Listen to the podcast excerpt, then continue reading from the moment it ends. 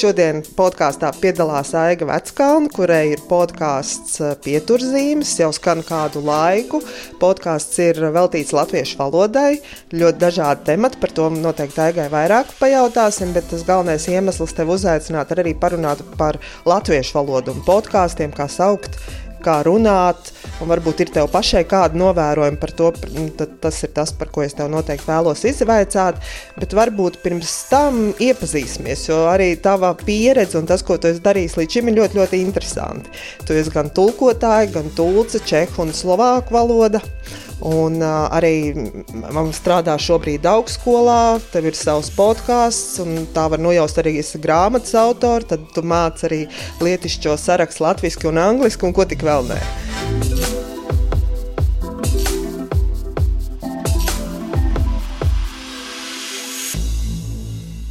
Varbūt tajā, nu, tajā visā savā pieredzē, varbūt izstāst, kā tu nonāci pat līdz savam podkāstam. Kāds bija tas tavs ceļš? Jā, nu, Dārsa, viss tevis minētais ir vairāk vai mazāk saistīts ar valodu. Un valoda man vienmēr ir bijusi interesanta, tuva, mīļa. Es mēdzu to dēvēt par gan tādu gan aizraušanos, gan profesiju, gan izglītību. Proti, man latviešu valoda ir visi šie trīs elementi, un es esmu ar vienu darbojusies valodas laukā. Vai nu tā būtu tulkošana, vai nu tā būtu pasniegšana, vai nu tā būtu semināru vadīšana. Doma par podkāstu, jeb raidierakstu, man nedeva mieru jau vairākus gadus. Un uh, tiklīdz es par tiem vairāk uzzināju, un tiklīdz es par to sāku klausīties pati pirms gadiem, četriem, pieciem, un man liekas, jā, es, es vēlos pati savu, man ir, ko, man ir ko teikt, man ir ko uzrunāt, man ir ko intervēt, un es uzreiz zināju, ka tas būs par, par valodu, ka tas būs par, par latvisko. Tiesa sākotnējā doma bija, bija, ka tas būtu nedaudz plašāk, ka tā būtu gan valoda, gan literatūra, gan kultūra, bet tad sapratu, ka jā, ka mana niša, tas, ko es zinu un, un, un māku, un tas, kas man interesē, ir valoda.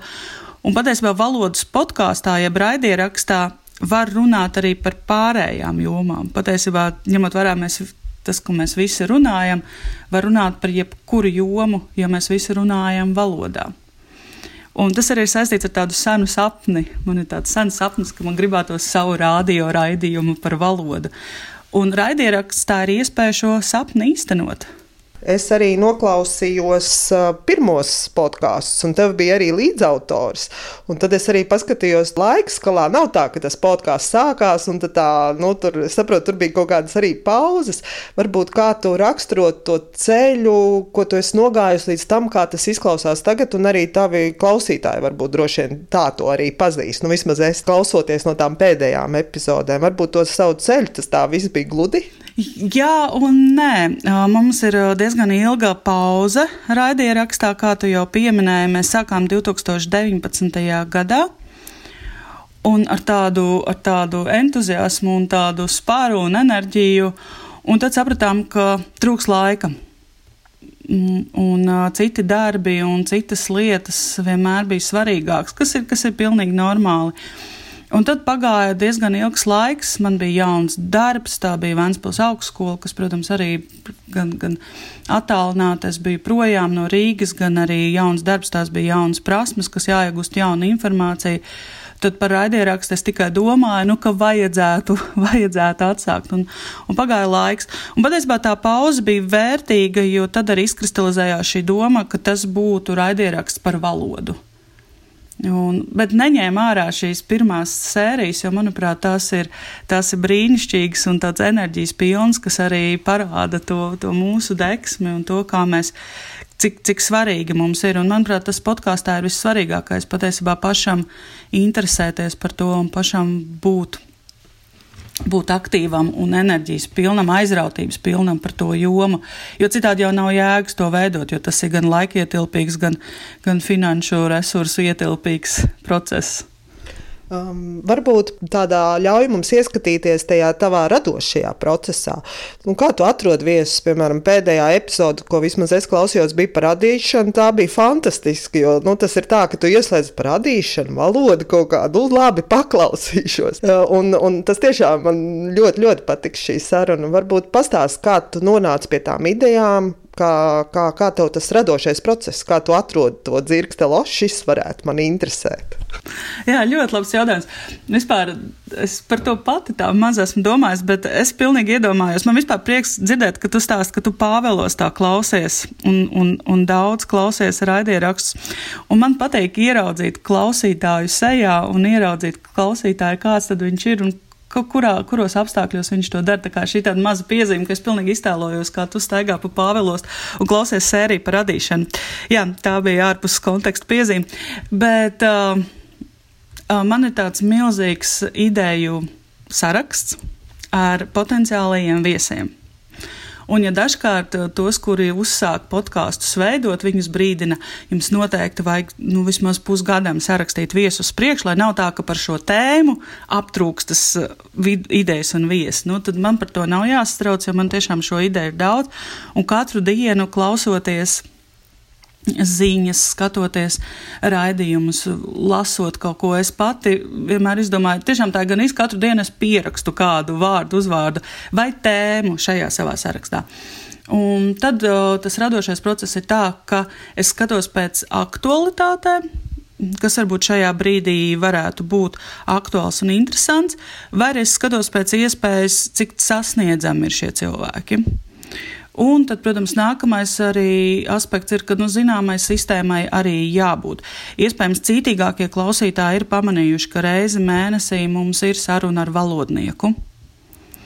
Un, protams, ja šis valodnieks pēta tādu tematu kā adīšana, tas ir vēl jo interesantāk. Tā ir tāda odziņa. Un tāpat arī droši vien ir, ir pamanījuši klausītāji, kas regulāri runāja ar tulkotājiem vai ar literātiem. Arī tā ir tādas, nu, tāds, tā viens no principiem, ko man gribētos.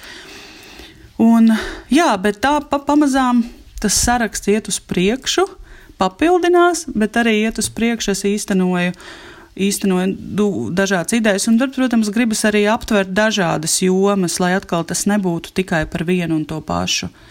Un tāpēc es ik pa laikam pameklēju, nu, lai tā būtu kāda, kāda neparasta odziņa. Katrā ziņā aiz tā ir tāds domāšanas darbs. Tas nav gluži tā nejauši.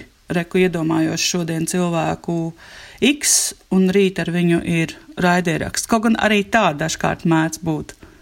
Un, kurš podkāsts tev pašai vismīļākais ir? Nu, tāds, ko tu atceries vēl joprojām ar lepnumu vai prieku, vai tā saruna tev ir saistījusi? Grūti jau tā teikt, es tā kā tulkotājiem vai autoram ar savām, ar savām grāmatām vai neizvēlēties mīļāko. Bet zini, kas man sagādā vislielāko prieku ir tas, ka, ka viena no populārākajām sērijām ir sērija ar valodnieku, ar profesoru Juri Baldunčiku. Un tas man tiešām sagādā milzīgu, milzīgu prieku. Nevis, jo sākumā varbūt liekas, nu kā valodnieki, nu šien, kurš to gribēs klausīties, varbūt tas cilvēkiem šķitīs garlaicīgi. Bet nē, tieši valodnieku sērijas arī profesoru Lindu Lauzi un, un citiem valodniekiem ir tās, kas ir viens no populārākajiem, un par to ir milzīgs gandarījums. Un tev ir uh, skaidrojums, kāpēc? Kāpēc tieši šīs epizodes? Man ir versijas. Uh, Viena no versijām ir, protams, gribētos cerēt, ka cilvēks interesē valodu un viņi grib, grib zināt, kā labāk, kā pareizāk, kur, kur valoda virzās, kāda ir latviešu valodas attīstība. Un otra versija man ir tāda, ka iespējams to izmanto studenti vai skolēni vai arī mm, pasniedzēji skolotāji savā darbā. Man ļoti gribētos cerēt, ka tā ir, jo, manuprāt, raidieraksti ir ir brīnišķīgs līdzeklis, ko izmantot izglītībā. Un, un, un diezgan nenovērtēts mūsdienās. Kaut gan man liekas, ka ar vien vairāk to tomēr izmanto, bet to noteikti var izmantot, jo tā ir dzīva valoda. Un tur ir ļoti daudz interesantas informācijas, ko var uzzināt, un, un papildus tam no jebkura raidieraksta var izveidot dažādus uzdevumus, dažādas aktivitātes. Tā kā man gribētos cerēt, ka ka tā attieksme ir pozitīva. Un, un vēl kāda lieta, kas noteikti jāpiemina, mums ir daudz brīnišķīgu valodnieku Latvijā. Kuri regulāri runā par valodas pareizību, kuri regulāri runā par varu, valodas tīrību un tādu valodas akadēmisko pusi. Intervijas patiesībā ļoti bieži iznāk, un, un, un arī Latvijas rādio raidījumā, kā labāk dzīvot un tā tālāk. Un man gribētos domāt, ka es nevienam neko neatņemu un nevienu neizspiežu. Tas, man, tas mans ceļš ir, ir savs. Es esmu vairāk kā vērotāja, es vairāk vēlos pievērst uzmanību cilvēkiem, kuri valodu lieto un pašam valodas lietojumam. Līdz ar to man interesē gan, gan šie paši valodnieki un viņu stāsti, gan arī man interesē to cilvēku stāsti, kuri raksta, kuri runā, kuri aktīvu valodu izmanto ikdienā. Tā kā es gribētu tā domāt, ka es papildinu šo valodniecības pasauli un val valodniecības visumu Latvijā. Um, es domājis, kas ir tāds, nu, priekš manis tāda, tāda laba laba la, raidieraksta epizodes recepte, un es sapratu, ka tur ir jābūt tādam pārsteigumam. Viens ir, man liekas, ka podkāsts var atļauties stāstīt par ļoti tādām, varbūt tiešām pat specifiskām tēmām vai lietām, ka, jo citreiz tā sērija epizode ir par kaut kādu specifiskāku tēmu, piemēram, tev ir bijis par čehu valodu. Nu, tik daudz, es par to vispār neko nezinu. Vai, vai mm, man bija brīnišķīga saruna ar to pašu Lindu Curiku par, par šo mm, dzimtes lietošanu valodā un tā tālāk. Un, jo tā tēma ir specifiskāka, un tur ir vēl kāds pārsteigums, jā, ka tas runātājs nav zināms, un tu atklāji, o, brīnišķīgs cilvēks. Jo, jo tā epizode ir tāda, kas paliek prātā, un par to vēl par te, tur, tās risinātās sarunas vai jautājumi vēl pēc tam par to domāju. Kā tev ir? Kur tu redzi tādas nu, to, to veiksmes atslēgu gan pašai gatavojot savu podkāstu, gan arī klausoties citus?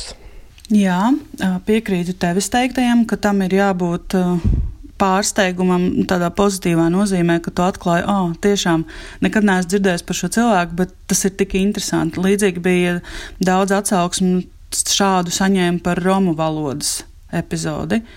Jo daudziem tas bija kaut kas vispār tāds nedzirdēts, par ko mēs ikdienā nedomājam nemaz. Ne?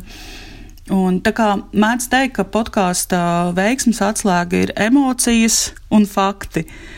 Nu, protams, mēs jau lielākoties raidierakstu veidotāji esam amatieri. Protams, ka mums daudz jāstrādā pie tā, lai gan šīs emocijas parādītu, šos faktus parādītu un šo pārsteigumu elementu sagādātu. Bet tas noteikti ir viens no veiksmes faktoriem. Un, manuprāt, vēl svarīgs ir šī viesa tāda apspīdēšana, tāda viesa mm, nešana saulītē. Viesim ir jābūt galvenajam tajā stāstā. Un ir jāizrāda interese, un, un tā interesē jābūt patiesai. Tā tas nedrīkst būt, nu, tagad es notēlošu interesi un, un viesu. Tā ir jābūt patiesai, un, un to var just. Nevēl mēdz teikt, un tu strādājot rādio, droši vien arī to es dzirdēju, ka audio patiesībā ir vispatiesākais mēdījis, ka tur ir ļoti grūti piemānīt. Un, un tā arī ir. Jo īpaši, manuprāt, darbojoties tādā amatieru līmenī, ir vēl grūtāk piemānīt. Jā, tā kā viesis un, un viesa tāda pacelšana un iznešana gaismā ir ļoti, ļoti svarīgi. Nu, un, protams, arī ir svarīgi ņemt vērā arī klausītāju. Mēs nedrīkstam aizmirst par klausītāju. Un, um, un ir jādomā, kas klausītājiem varētu būt interesants, kas klausītājiem varbūt varētu būt neinteresants. To mēs izgriežam ārā, vai padomāt arī par to garumu, lai tas nav pārāk gari, bet vienlaikus, lai tas nav arī pārāk īsi. Tā kā šie, šie aspekti ir ļoti svarīgi. Tur patiesībā ļoti daudz kas ir jāņem vērā. Un tas ir tikai tāds mans amatiera, vai ne? Es gan daudz esmu par to klausījusies un lasījusi tieši par to, kā, kā veido raidieraksts, bet jebkurā gadījumā es ar katru raidierakstu arī mācos. Varbūt pastāst par to savu arī mācīšanās procesu, veidojot podkāstu, tu, kā tu to dari.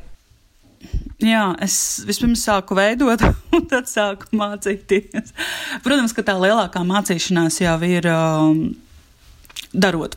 Bet ir uh, angļu valodā pieejami un krievu valodā pieejami ļoti labi raidieraksti par raidierakstiem. Tāpēc es biju tik priecīga, ka arī latviešu valodā tagad tāds būs, uh, kuros var dzirdēt ļoti daudz noderīgas informācijas, ko uzreiz var likt lietā. Tāpat ir izdots arī angļu valodā vairākas grāmatas par, par raidierakstu veidošanu, ir arī dažādi kursi, kuros var iesaistīties. Es daudz klausos, tieši raidierakstus par raidierakstiem. Es daudz arī pati eksperimentēju.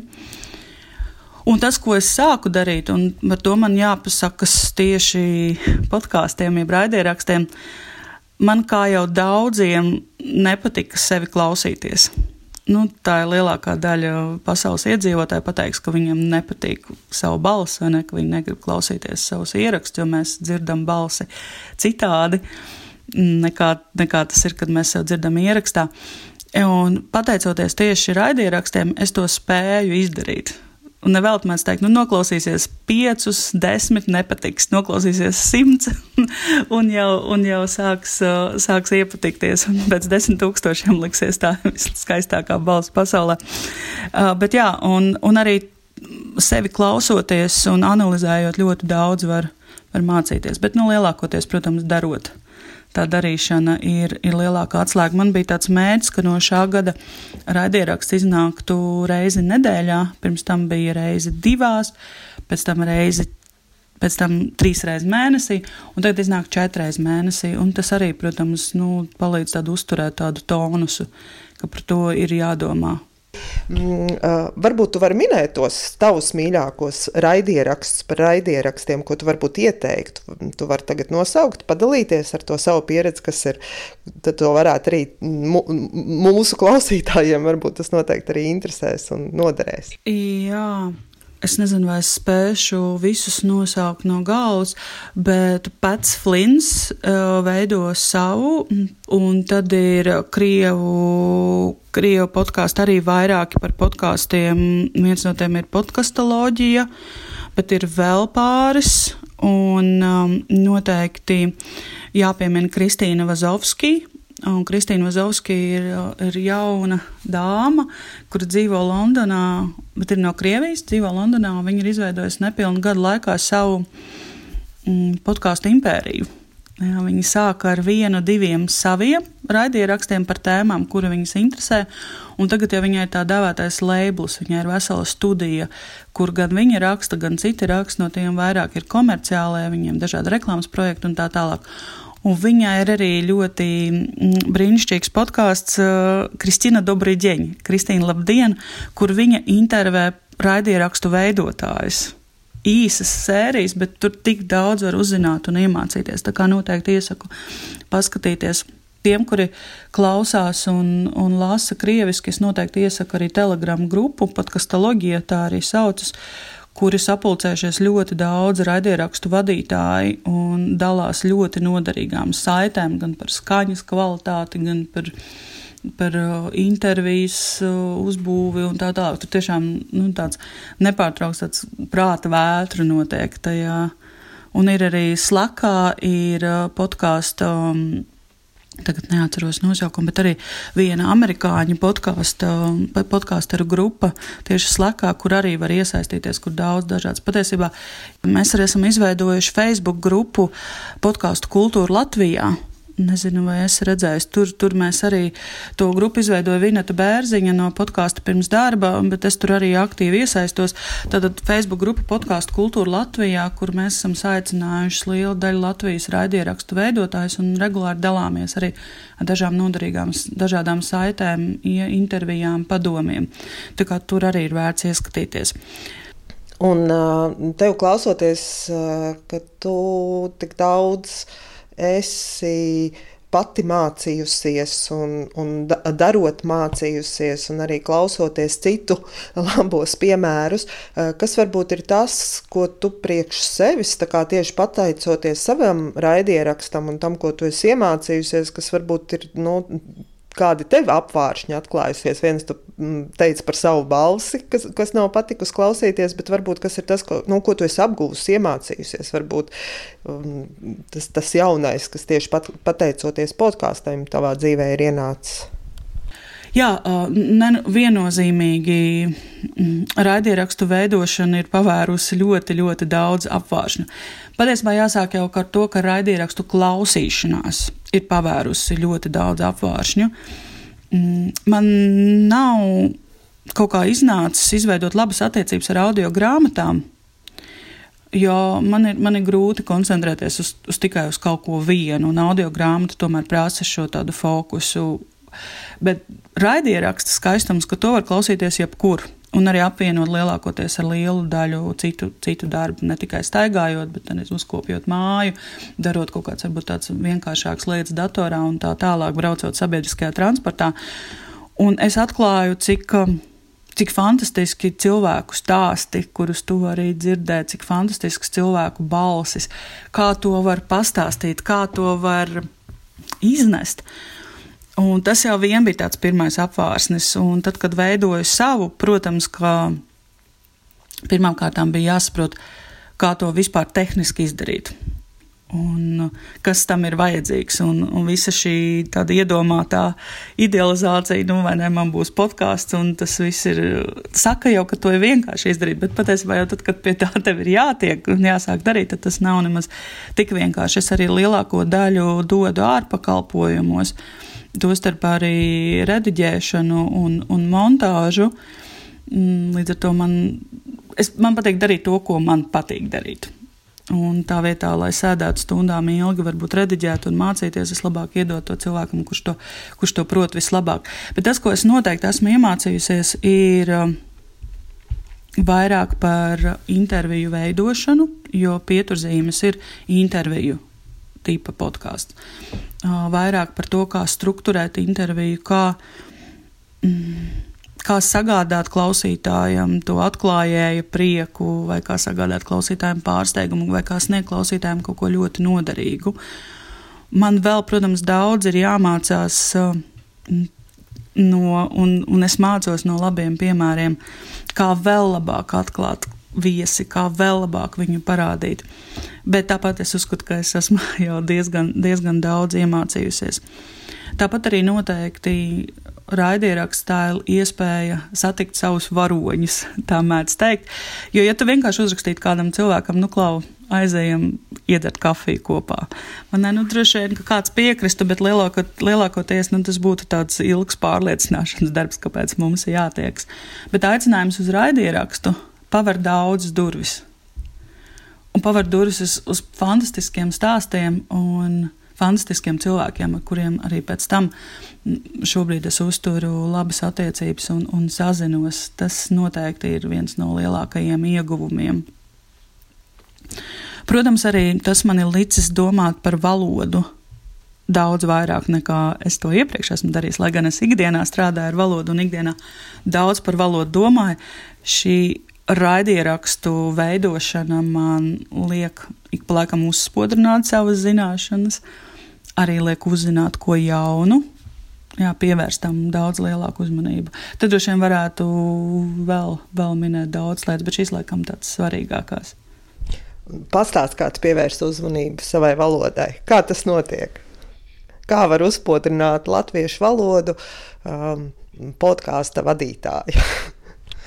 Es domāju, to, to padomu, ko tu iedotu man vai kādam citam, kas par to ir aizdomājies. Es droši vien nebūšu oriģināla, un pirmais padoms būs klausīties sevi un um, arī prasīt atgrieznisko saiti citiem. Um, Un tad, dzirdot sevi, mēs uzzinām, ka izrādās šo vārdu es izmantoju visu laiku. Man tā ir ar vārdu brīnišķīgi un vārdu patiesībā. Es vēl mācos ar šiem vārdiem tik galā. Un jā, šīs paužu pa pavilkšanas. Bet kādā ziņā pirmais solis jau ir to atpazīt un, un ieraudzīt. Noteikti gatavojoties satikt savu varoņu pēdiņās satikšanai, es daudz lasu un daudz informācijas iegūstu. Vai, vai pat lasu grāmatas saistībā ar to. Piemēram, tuvākajā laikā iznāks sērija ar rakstnieku Aldu Bukšu, kurš ir uzrakstījis kriminālu romānu latviešu valodā brāļi. Un tas, ko es darīju nedēļas nogalē, lasīju šo grāmatu latviešu kas vienu paver uzreiz citus apvāršņus, jo es pirms tam nebiju lasījusi neko latgaliski, un man tas liek uzreiz domāt, ah, reku šāds vārds, šis vārds, pievērst tam uzmanību, un tagad es pavadīšu kādu, kādas vairākas stundas izpētīt izpētot šo tēmu, lai gan es zinu jau par, par, par latviešu valodu šo to. Bet skaidrs, ka man jā, jāuzzina vēl vairāk. Līdzīgi bija arī par braila rakstu sarunā un tā tālāk. Un tas, ko es aicinu darīt citus raidierakstu vadītājus, noteikti gatavoties tas ir viss, viss svarīgākais. Un ļoti bieži rodas iespējas, ka viņi negatavojas. Un varbūt tas ir tikai iespējas, bet bieži vien man liekas, ka tā, ir, ka tā patiešām ir.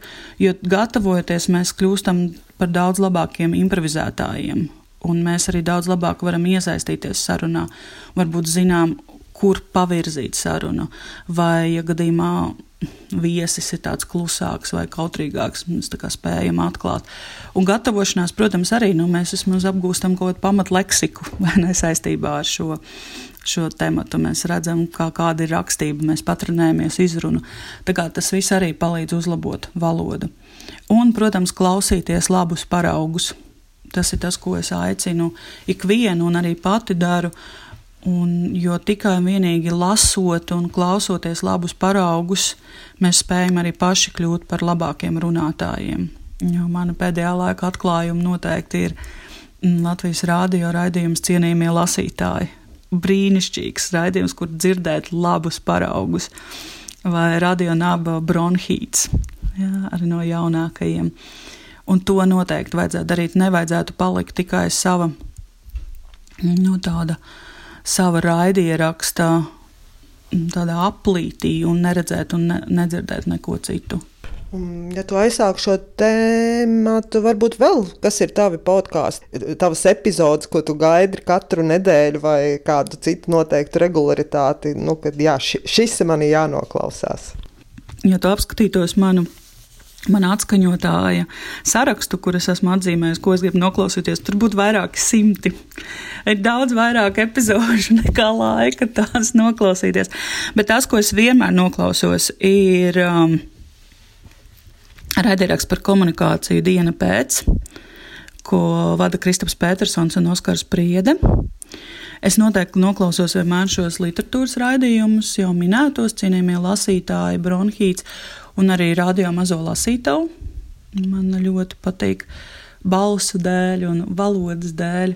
Un vēl es skatos, ja kultūras rondo ir kaut kas, kas mani uzrunā, tad es noklausos arī to, vai zināmais nezināmajā, par raidījums par zinātni. Patiesībā es klausos ļoti daudz Latvijas radio raidījums, bet tieši raidieraksta formātā. Un uh, no kolēģi veidotajiem noteikti tas ir uh, Vinetas Bērziņas pirms darba un citi cilvēku resursu raidījumi, piemēram, arī karjeras arhitekti. Un, un arī Ilzas Mednes HR, jeb HR podkāsts. Ja man ļoti interesē arī darbs ar cilvēkiem, cilvēku vadība, komunikācija. Un empātijas, empātijas jautājumi šie ļauj ieskatīties tādos mm, jautājumos. Klausos Aijas Bremšmitas uh, raidierakstu piedzīvot par grāmatām. Man ļoti, ļoti žēl, ka vairs neiznāk piedzīvot skolu, kas bija par, nu, kā jau nosaukums vēsta par, par skolas un izglītības jautājumiem. Tas man ļoti patīk, jo arī pats strādāju izglītības jomā. Klausos vairākus raidījumus Krievu valodā, klausos vairākus raidījumus arī angļu valodā. Viens no tādiem podkāstinga pamatlicējiem, Amerikā Tims Ferris, mani ļoti uzrunā. Mm, tāpat arī dažādi, dažādi citi ieraksti. Jā, patiesībā katru reizi paskatos no rīta, vienmēr atveru jaunākos raidījumus un tad pievienoju savam sarakstam. Bet lielākoties klausos uh, latviešu valodā lai pati mācītos, lai pati iedvesmotos un lai arī uzzinātu jaunu informāciju. Vai tev ir tāds kaut kāds tāds priekšstats par to, kas klausās? Nu, es domāju tieši par latviešu valodas podkāstu klausītājiem. Kas klausās, kur klausās, kāda ir tā, nu, tev bijis tā atgriezeniskā saite no taviem klausītājiem? Jā, šis ir izcils jautājums, Dats. Un uh, man vienmēr, kā jau es minēju iepriekš, man vienmēr patīk vizualizēt to un ieraudzīt dzīvē savu raidierakstu klausītāju. Un es domāju, ka vienam raidierakstu autoram noteikti tā ir. Es zinu, ka katru sēriju noklausās apmēram 200 cilvēku vidēji. Citu, citu ir sērijas, kuras ir noklausījušies 500 cilvēki, un ir sērijas, kuras ir noklausījušies varbūt 150. Bet vidēji tie ir 200 cilvēki, un man patīk iedomāties šos cilvēkus, vai tie ir mani draugi, vai tie ir nepazīstami cilvēki. Un katru reizi, kad man kāds uzraksta, un raksta diezgan bieži, bet gribētos vēl biežāk, pateicība par podkāstu vai stāstu, kur, kur un kā viņi klausās, man ir tāds milzīgs, milzīgs prieks. Es zinu, ka podkāstu klausās lielākoties sievietes. Tie ir 74%. Es zinu, ka lielākoties tie ir salīdzinoši jauni cilvēki, vecumā no 28 līdz 44 gadu vecumam, tie ir apmēram puse klausītāju ir, ir šādā vecumā. Bet apmēram ceturtā daļa ir jaunieši. Tie ir um, vidusskolas vecuma jaunieši vai tikko universitātē iestājušies jaunieši, par ko arī milzīgs prieks, ka viņus interesē šie valodas jautājumi. Un, un tad es vadot lekcijas, domāju, vai mani studenti klausās. Un es esmu jautājis, un esmu dzirdējusi, ka, jā, ka arī studenti klausās. Un es ceru, ka tie arī šīs intervijas varbūt arī palīdz viņu darbā un paver viņiem plašākas iespējas. Un, protams, kur klausās, nu, te mēs droši vien visi esam diezgan līdzīgi. Lielākoties tas ir pastaigu laikā. Tas ir, tas ir tāds tipisks podkāstu klausītājs. Uh, iet staigāt vai iet no punkta A uz punktu B un klausās. Mazāk droši vien ir tādu, kuri liek sev mājās esot, kad visi mājnieki ir liek fonā kā, kā rādio. Tur, tur ir atšķirība. Radio atšķiras no raidieraksta ar to, ka raidieraksts ir vairāk tāds individuāls piedzīvojums. Ka tu esi viens pats un, un ir, šī, ir šī saruna, tas tāds draugu balsis. Tā kā tas nav, nav tāds fona, um, fona troksnis visai ģimenei. Jā, jā bet pastaigas un, un ceļošana automašīnās ļoti daudzi klausās. Braucot uz darbu, tie, kas, mūsdien, kas mūsdienās brauc uz darbu. Un nesen arī saņēmu kādu atsauksmi no puiša viena, kurš Dānijā esot braucis uz darbu un bieži vien klausījies pieturzīmes un domājis par to, cik tā latviešu valoda ir varena un, un spēcīga.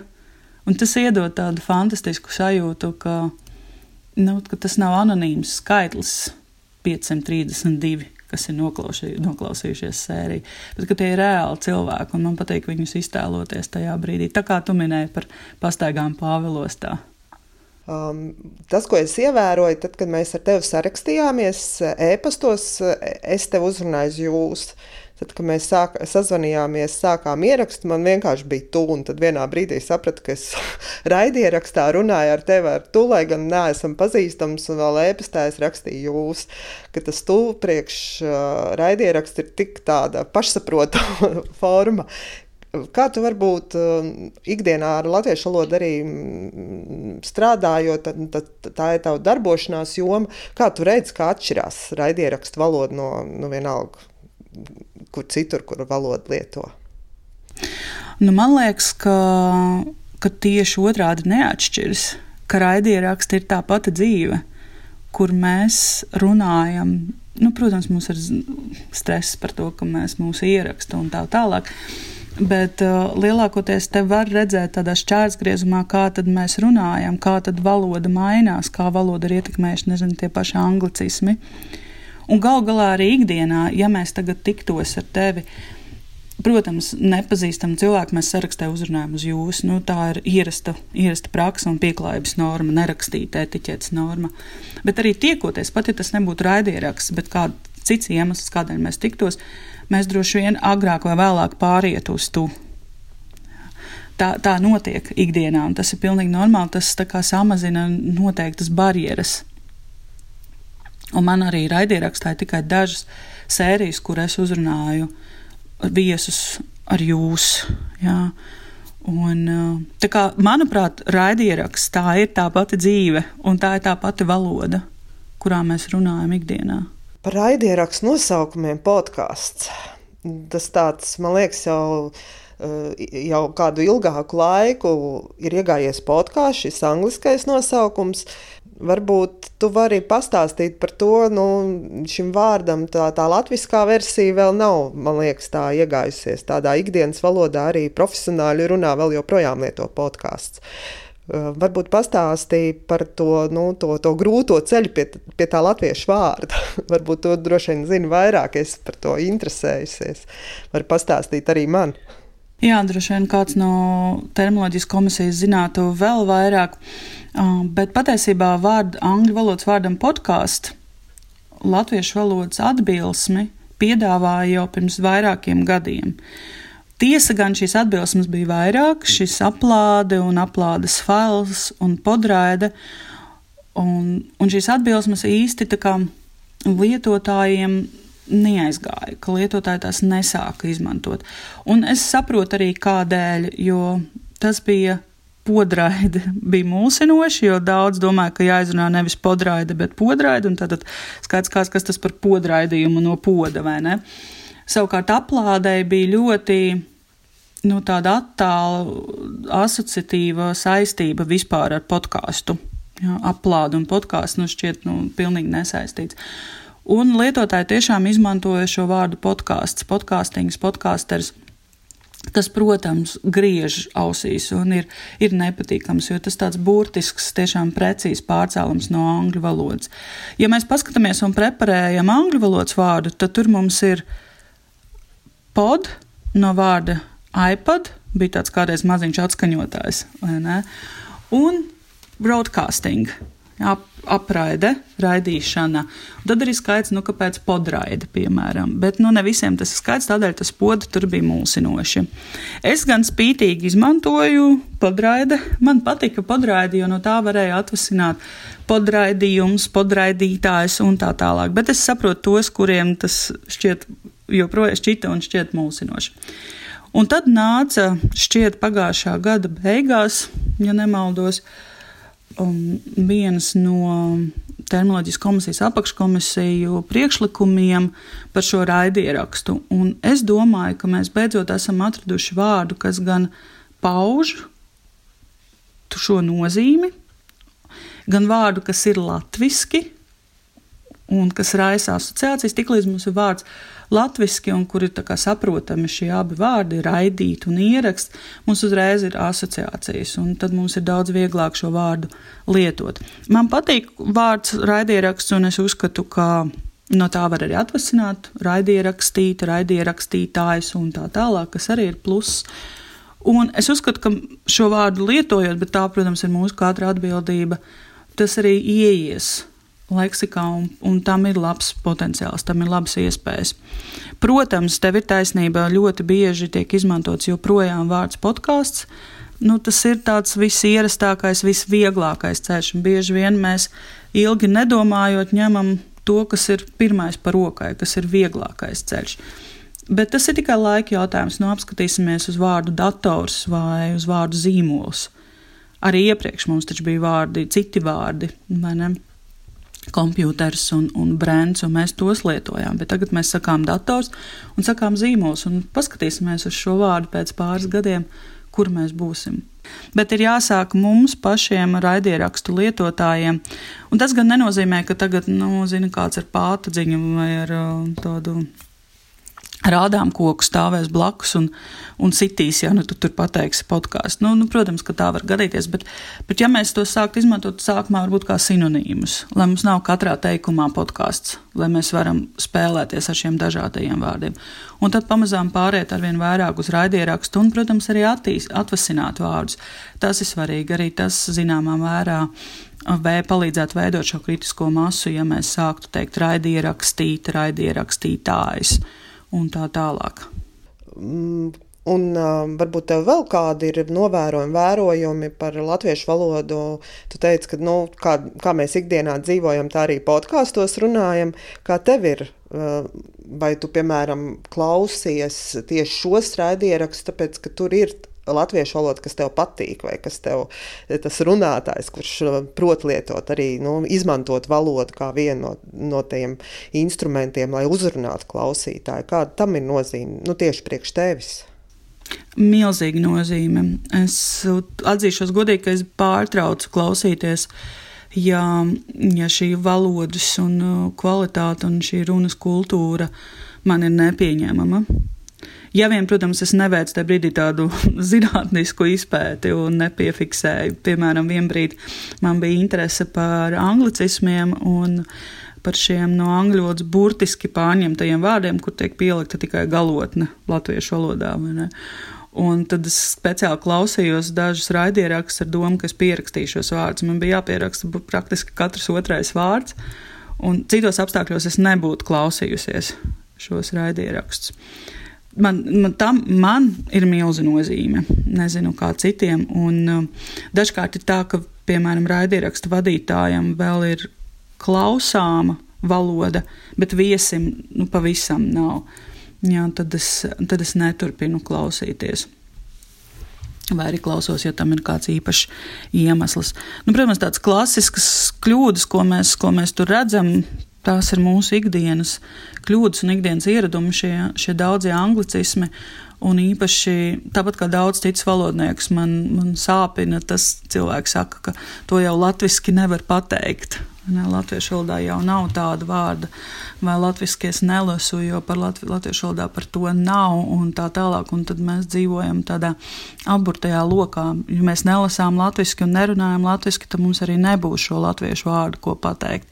Tā kā pirmā tipiskā tāda kļūda ir šie daudzie anglicismi un tādi nu, ļoti burtiski pārcelti.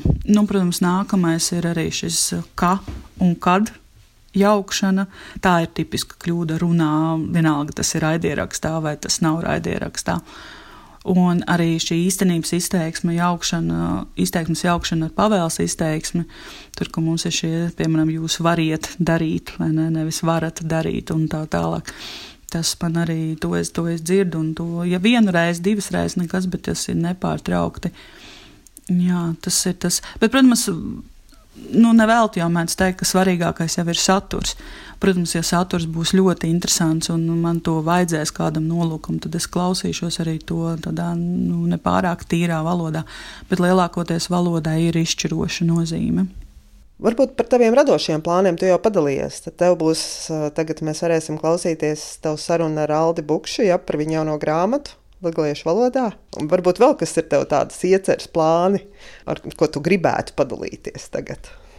Nu, man noteikti gribētos uh, turpināt, uh, turpināt ierakstīt podkāstu, jeb raidierakstu pieturzīmes. Uh, un turpināt runāt par valodu. Un, un plāni un ieceras ir, un plāns vairākiem mēnešiem ir sarakstīts uz priekšu, jācer uz viesu atsaucību un jācer uz klausītāju atsaucību. Um, noteikti turpināšu runāt ar valodniekiem, noteikti turpināšu runāt ar literātiem un arī ar valodas lietotājiem cit, citās jomās. Un, un, protams, arī par dažādiem tādiem negaidītiem, ne mazāk zināmiem aspektiem valodas jomā Latvijā. Un noteikti arī pasaulē. Protams, ka, lai ir pieturzīmes galvenokārt ir par, par latviešu valodu, tas nenozīmē, ka mēs nerunājam par citām valodām. Kā, un vēl ir daudz dažādu pasaules valodu, ko, uh, ko apcerēt un par kurām parunāt. Un man gribētos izveidot vēl vienu raidierakstu par pavisam citu tēmu, un tas būtu raidieraksts par krūts vēzi. Tas man arī bija aktuāls jautājums pagājušajā gadā.